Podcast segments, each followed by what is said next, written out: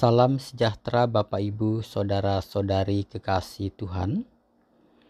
Bersyukur hari ini kita bersama-sama lagi merenungkan firman Tuhan. Pembacaan diambil dari Injil Matius pasal 1 ayat 18 sampai 25 dengan nas pada ayat 19. Dengarkanlah firman Tuhan. Karena Yusuf suaminya seorang yang tulus hati dan tidak mau mencemarkan nama istrinya di muka umum. Ia bermaksud menceraikannya dengan diam-diam. Berbahagialah setiap orang yang mendengarkan firman Tuhan dan yang memeliharanya dalam hidupnya. Bapak, ibu, saudara-saudari kekasih Tuhan, bila kita menempatkan diri kita pada posisi Yusuf di dalam kisah menjelang Natal ini.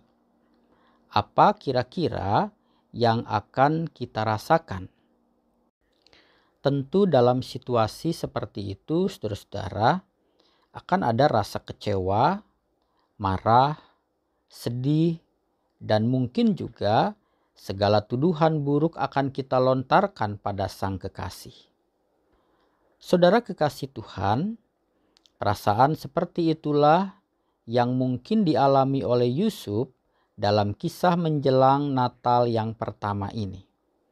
Itulah sebabnya dikatakan ia bermaksud menceraikannya dengan diam-diam.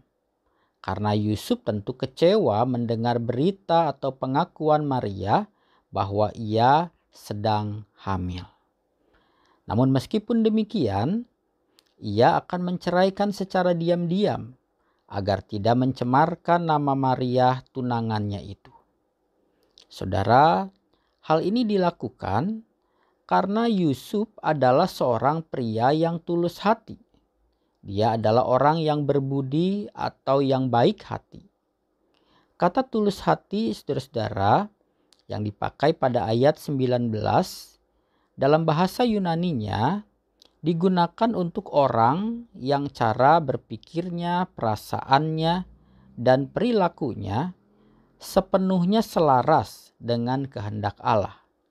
Sehingga meskipun kecewa, Yusuf tidak bertindak gegabah, melainkan ia mempertimbangkannya agar ia tidak mencelakakan tunangannya di kemudian hari. Dalam mempertimbangkan itulah, saudara-saudara, malaikat Tuhan memberitahunya dalam mimpi bahwa Maria mengandung dari Roh Kudus.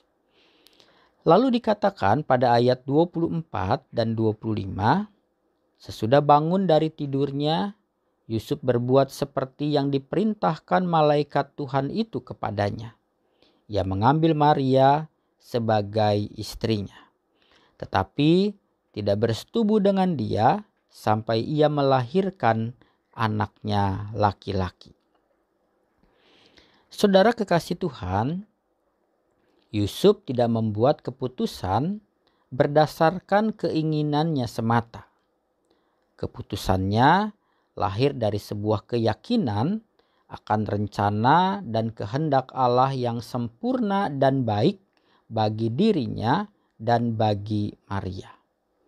Yusuf belajar tentang sebuah pelajaran penting pada Natal yang pertama ini, bahwa menyambut dan merayakan Juru Selamat bukanlah tentang mengutamakan keinginan atau kesukaan diri sendiri, melainkan tentang melakukan apa pun yang dibutuhkan untuk menyambut bayi Kristus di dalam hidupnya. Dari kisah ini, kita belajar bahwa menyambut Natal berarti kita menyediakan ruang untuk Yesus di hati kita. Dalam hidup kita, sekalipun mungkin kita dalam kekecewaan.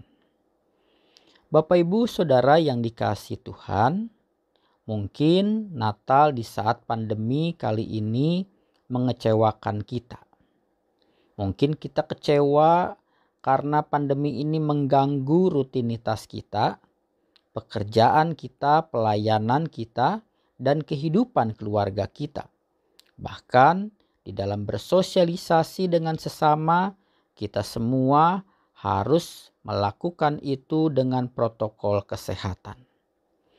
Namun, saudara kekasih Tuhan, di tengah-tengah situasi yang mungkin mengecewakan ini, Firman hari ini mengajak kita untuk merenungkan.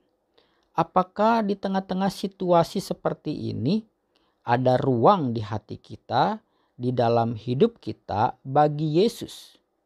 Bukan saja karena kita mau menyambut dan merayakan Natal pada tanggal 25 Desember nanti, tetapi apakah ruang itu tetap ada di hati kita setiap hari?